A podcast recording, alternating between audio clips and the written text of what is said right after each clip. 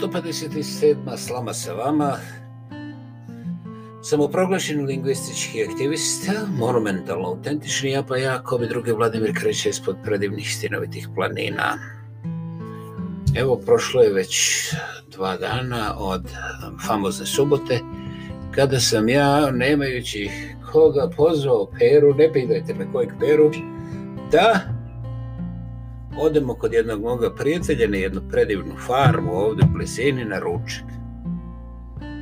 I Pero je odmah počeo sa pitanjima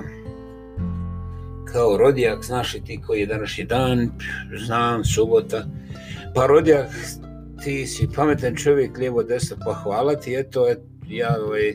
šta, ako znam da je subota, onda je trebao dobiti Nobelovu nagradu. Kaže, rodijak, znaš, nemoj da te ja učim, znaš, jel ti znaš koji je datum, pa znam današnji datum, pa rodijak onda kako ti, onda ne možeš da se sjetiš rodijak, pa nemam šta da se sjećam, šta, šta bi trebao da se sjećam. Ali rodijak, znaš li ti koji je današnji dan, ja kažem, pa znam, subota, pa onda, i tako ovaj, sada ja sam imao tu monolog koji sam obrisao jer sam nekoliko puta po koji ne želim više ovaj, da, da slučajno mi se desi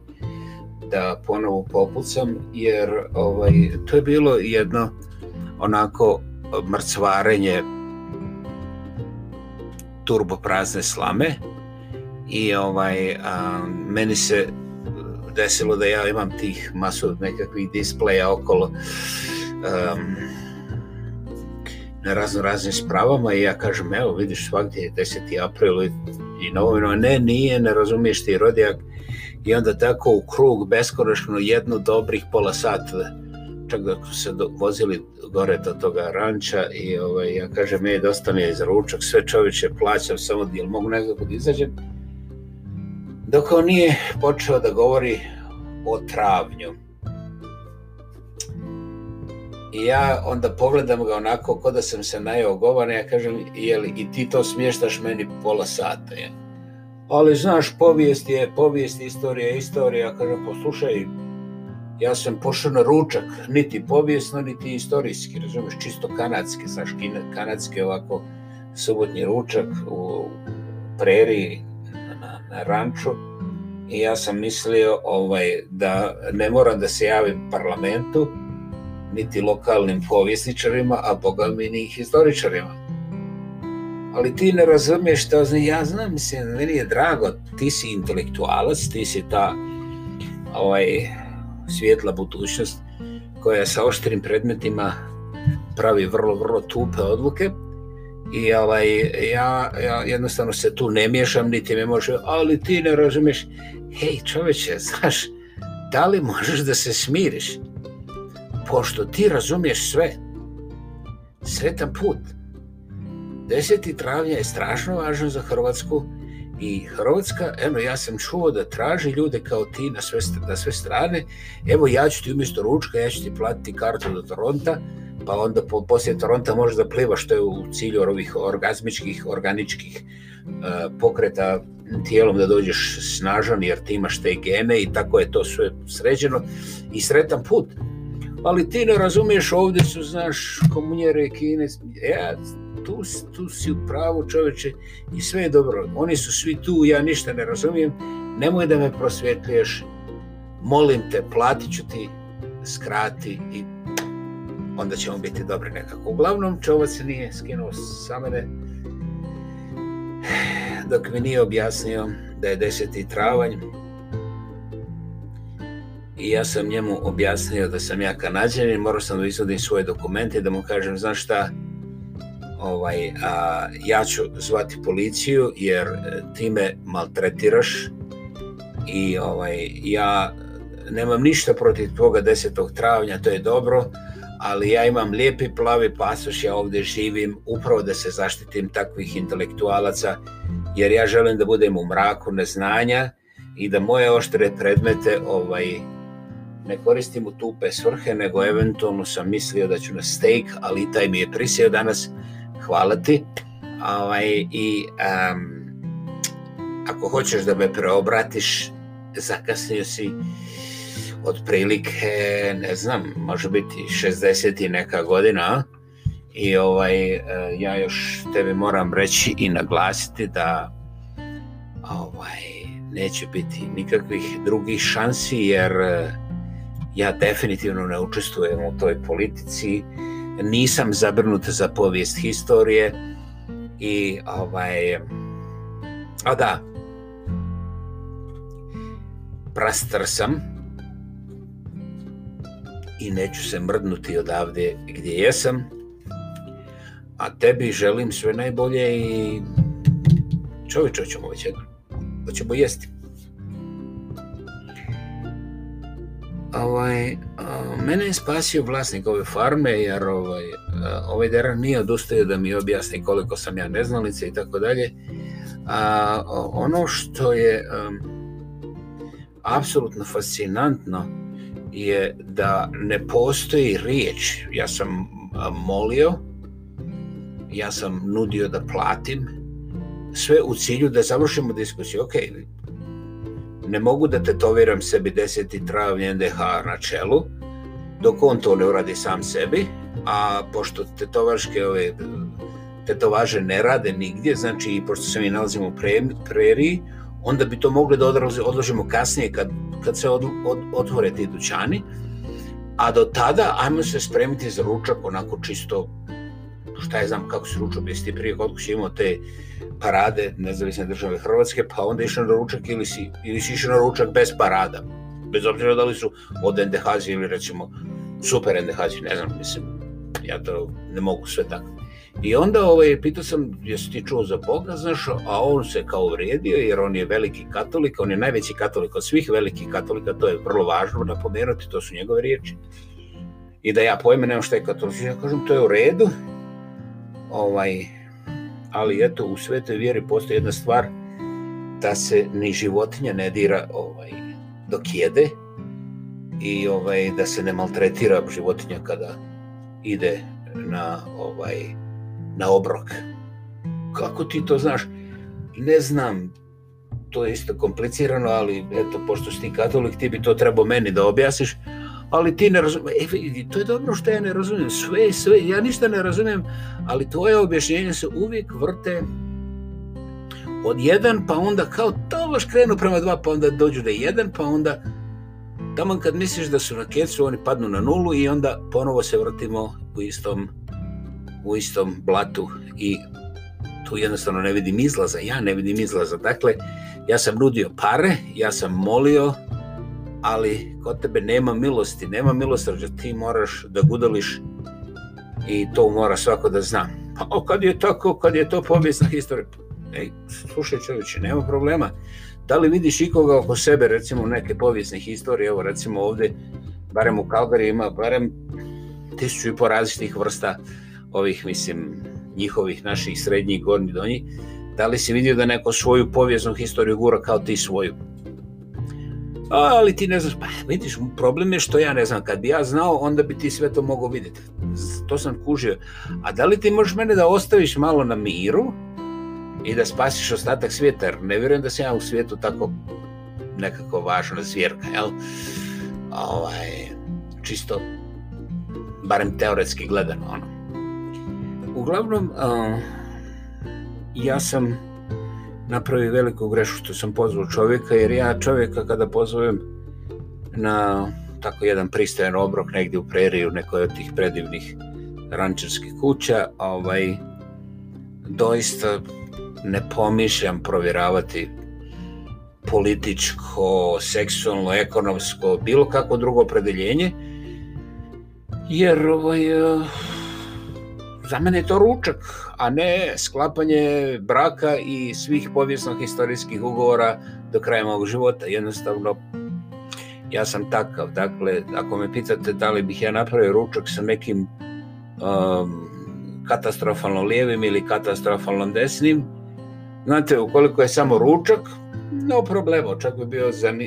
zainteresiran da takve ljude vidim izbližega, da vidim izbližega, znači personalno, i da čujem kako oni to dišu, kako mjackaju, prduckaju, možda čeprkaju nos dok jedu i tako dalje. Znači da naučim nešto o personalnosti, a ne o njihovim političkim i drugim opredeljenjima, jer to uglavnom piše na raznim mjestima i ovaj, na tim mjestima također ima više laži nego što oni mogu da lažu dok jedu, tako da ovaj, to je jedna mikstura koja nikad neće biti čista i onda da, bilo bi zanimljivo da vidim za sebe iz tog prvog lica, onda kasnije mogu da upoređujem šta su ovaj, u novinarima, u novinama izmišljali, a šta su nekako manje više realne stvari. Dakle, ja ovoga ljepotana nisam uspio e, izmoliti da, da se smiluje, da ja imam taj obrok bez ovih povijesno-historijskih e, znanja koja sam opet završio sa bez znanja i ovaj da, najveća stvar je što ja ne mogu vjerovati šta sam ja dopustio sebi. A u međuvremenu te, isto, te iste subote nekoliko divnih ljudi koji su doista bili fair prema meni u životu su imali rođendane koje sam ja previdio, zaboravio ili zbog te služenosti nisam čak ni gledao i kojima niti na Facebooku nisam napisao ono Happy birthday, dear friend. Eto, tako, me, tako sam bio derailed i u svakom slučaju ja se ne želim na gospodina Pero koji je potpuno u pravu jer e, sa tom svojom zadriglošću domoljubljem pod e, stjenovitim planinama 10.000 km dalje podalje od Hrvatske ovaj, on treba žrtvu na kojoj će se življavati i tu doista nema ništa novo i jedina je stvar u tome što sam ja naivac koji nije ovaj, malo bolje pogledao ovaj, pa bih znao da drugačiji ishod je bio nemoguć jer ovaj nema kapaciteta ni za što drugo. Ovo je jednosmjerna, jednobojna, a, fiksatorska priroda koja ne vodi računa koliko ponižava sebe dok okolo ljudima se okreće stomak. Mislim, on je totalno uvjeren da je pobjedio nešto, da je pobjedio nekoga. Kako, koliko, mislim, sretan put što dalje od mene i ovaj, ja mogu samo da samo da mu zahvalim jer meni se to više nikada neće desiti. Ovaj, um, ja ću dobro pogledati na kalendar i mogu gospodinu Pere da zahvalim što me naučio da znaš, postoje ljudi koji se jednostavno neće nikada promijeniti koji je, kojima je nečovještvo glavni i osnovni zadatak u borbi za njihovu naciju jadna nacija kojoj takvi ljudi ovaj, drže barijak i bez obzira da li je ta nacija recimo zemaljska ili vanzemaljska neće se uveseliti sa puno opuštenih ručaka u preriji jer jednostavno kada se eh, kada se sa toliko nasilja i toliko neodmjerenosti insistira na jednom formatu puno više nego na sadržaju, onda je to toliko suženo da uglavnom samo kriminalni umovi i bezdušnjaci mogu na tome insistirati. Da li ja osuđujem s time ustaški pokret? Znate, ja mogu da osuđujem šta god hoću, ali ne moram. Zbog toga što ustaški pokret je sam za sebe rekao sve i pogledajte kako ga vidi svijet. Dakle, da nema toga plašenja sa crvenim sa komunjerama, Ustaše bi bile obične ustraše, ali naš, danas je popularno da sa svi redom plašemo komunjara, jer komunjara će nas pojesti žive bez anestezije, dok su nas ovi samo klali. Jeli? I ovaj, u jednom takvom svijetu ja se tim takozvanim suprostavnim stranama čak niti ne smijem zbog toga što je to jedan jedan promašaj koji misli da će nekad jednog dana doći na svoje, a pritome ne primjećuje da je već sada opasno gerontološki promašen i da ne da nema podmatka, nego nema praznina. Recimo, jedna od najgorih je, na primjer, bijela kuga i to se ne može kupiti bez obzira ko ti kupuje oružje, bez obzira za koga se boriš. I ono što je e, posebno zanimljivo, svi ti gospoda ovaj, Ustaše što su toliki veliki domovi, oni žive što dalje od Hrvatske i što je posebno važno, što su dalje od Hrvatske, to su veći Hrvati. A a to niko ne sluša ovdje i niko ne čuje, nego moraju pronaći neke ljude koji razumiju taj jezik, recimo kao ja, pa da onda nastave vergul, da čovjek ne poše plakati od muke. Ja sam doslovce plakao od muke, bio sam bolestan i da je on potegao nož da me prekoje, ja bi mu bio zahvalan. Zašto?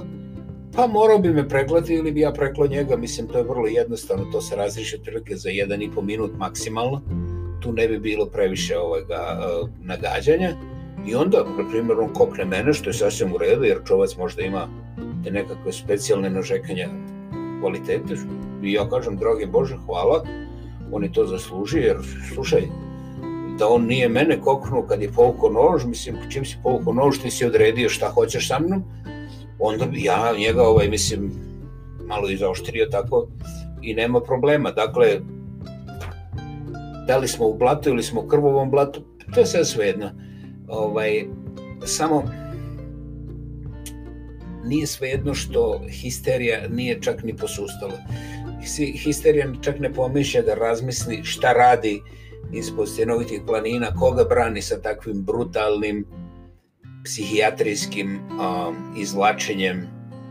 živaca na površinu onih onih loših, negativnih, da ne ide u dubine svega toga. I ovaj, a, sva sreća, pa ja mogu iz vlastitog iskustva, jer ovdje već bliže 30 godina, da kažem da ovaj, gospodina Pere i te slične usraže uglavnom možete naći na vrlo definiranim mjestima gdje se uglavnom loče pobjegli su svojih žena da ih spasu od tih nekakvih četnika i komunista i oni tamo loču, oni su, bože moj, uglavnom vrlo impotentni, ali ovaj, dobro namočeni i dobro obavješteni i tu onda jedan drugom pokazuju svoje ove hladne komade koje će kad dođe vrijeme jeli zagrijati i ovaj oni su uglavnom opasnost za sebe jedna velika opasnost za sebe i sva sreća je što jedan dobar dio njih e, ne govori ni, niti čak niti na engleski tako da ovaj, ne stižu da, da, da, da ukaljaju hrvatsko ime među englezima jer e, nemaju nemaju kapacitet verbalni da sve to prevedu što bi htjeli pa onda moraju tražiti te neke periferne majmune moga profila koji eto znaju i jezik ali ne pripadaju nikakvim organizacijama pa onda se njima utira strah u kosti da oni ne znaju šta je povijest ali znaju šta je istorija pa onda sad treba da nauče povijest jer onda će naučiti istoriju i tako dalje i tu im ja onda kažem pa dobro vi ste predivni katolici i oni kažu kako si znao ja kažem nisam znao ovo je sramota što vidim ovo je sramota što vidim i vi ako bi ikada htjeli da budete katolici, vi bi trebali otići u crkvu trijesni. Znam, ja ne špioniram nikoga, ali znaš, pošto ja ne pijem nikada, ja vidim kako si i sada smrš šmrc, jeli, namirisan, znam, to je kontra korone, to je samo privremeno zadnjih 14 mjeseci. Dakle, gospodo moje, bio je 10. travnja i ove godine i bit će iduće godine. I svi oni koji ga slave, što se mene tiče, nastavite slaviti i dalje. Zabrane sa moje strane nikad nije bilo, neće ni biti, jer ja imam neka druga posla. Mene a, slavljanje tih nekih desetih travanja na, svih, na svim razinama i nivoima apsolutno ne uzbuđuje, i ovaj, možete da njačete šta god hoćete, možete da govorite šta god hoćete i ovaj, um, možete da ločete, šderete, vičete, radite ono jednostavno šta vam padne na pamet, e, uz jedan detalj, ne na mome imanju, ne u mome autu, ne za moj ručak, garantirano nikad više, i naravno to je sve u prostorima koje vi kontrolirate, koje ste vi platili, koje posjedite i imate pravo da radite što je vama za volju privatno. Eto, um, ja se ne osjećam ponosno što u ovom 157. podcastu moram priznati da sam potpuno, ovaj, uh, potpuno sam iznenađen. Pozvao sam čovjeka na ručak, nije bilo nikoga. Ja sam mislio, imat ćemo taj nekakav čit chat, malo popričati, pojesti gore nešto u tom restoranu bio sam u krivu monumentalno i mislim da sam sve to zaslužio, to je moja krivnja, jer sam mogao malo da se raspitam prije nego što sam uputio poziv, imao sam i tu opciju, nisam je koristio i onda ovaj, evo tek danas sam se smirio pa mogu da ovaj, kažem ovo, jer ovo kazivanje mi je bilo potrebno da, da, da, da taj pritisak iznutra nekako smirim, i da ovaj, pogledam sebi u oči i da kažem čoveče, ovo treba zapamtiti, ovo se ne smije ponoviti niti u noćnoj mori. Definitivno ne. Dakle, e, gospodine Pero, ja znam da ti ovo slušaš i hvala ti što potrošiš svoje vrijeme da slušaš moj podcast. Nisi dobrodošao i to iz povijesno historijskih and historic reasons, ok? kako god okreneš, nisi dobro došao sa parama, bez para i između toga, bilo koji sadržaj. ja te želim sretan put u tvoje povijesno-historijske fiksacije i blago onom ko te nema. To je bila moja personalna poruka tebi, a svima vama ostalima strašno je važno da znate da se evo i danas 20-21. godine svjetski rat u nekim glavama još uvijek, drugi svjetski rat se još uvijek vodi i to vrlo, vrlo žestoko i ovaj, ne treba vam oružje osim malo zdravog razuma da mi mojiđete te junačine koje su jednostavno toliko preopterećene svojim obavezama u drugom svjetskom ratu da ne primjećuju elementarnu kulturu prema svojim domaćinima u lokalnim restoranima to je onako, uf, grize za oči. I ovaj, takav, takvo sustvo e, kulture i osnovne ljudske etike je ne za osudu, nego kao svako govno za, samo za, za obilaženje ili pritisnete vodu da to što sam malo čas spomenuo odu. da. I bilo je to, da. 157. podcast Slama sa vama, samostalni, samoproglašeni lingvistički aktivista, monumentalno autentični, ja pa ja kao drugi Vladimir Kreća sa predivnih stenovitih planina. Hvala vam, hvala, hvala i čujemo se prije nego što se vidimo, svakako. Živi zdravi bili.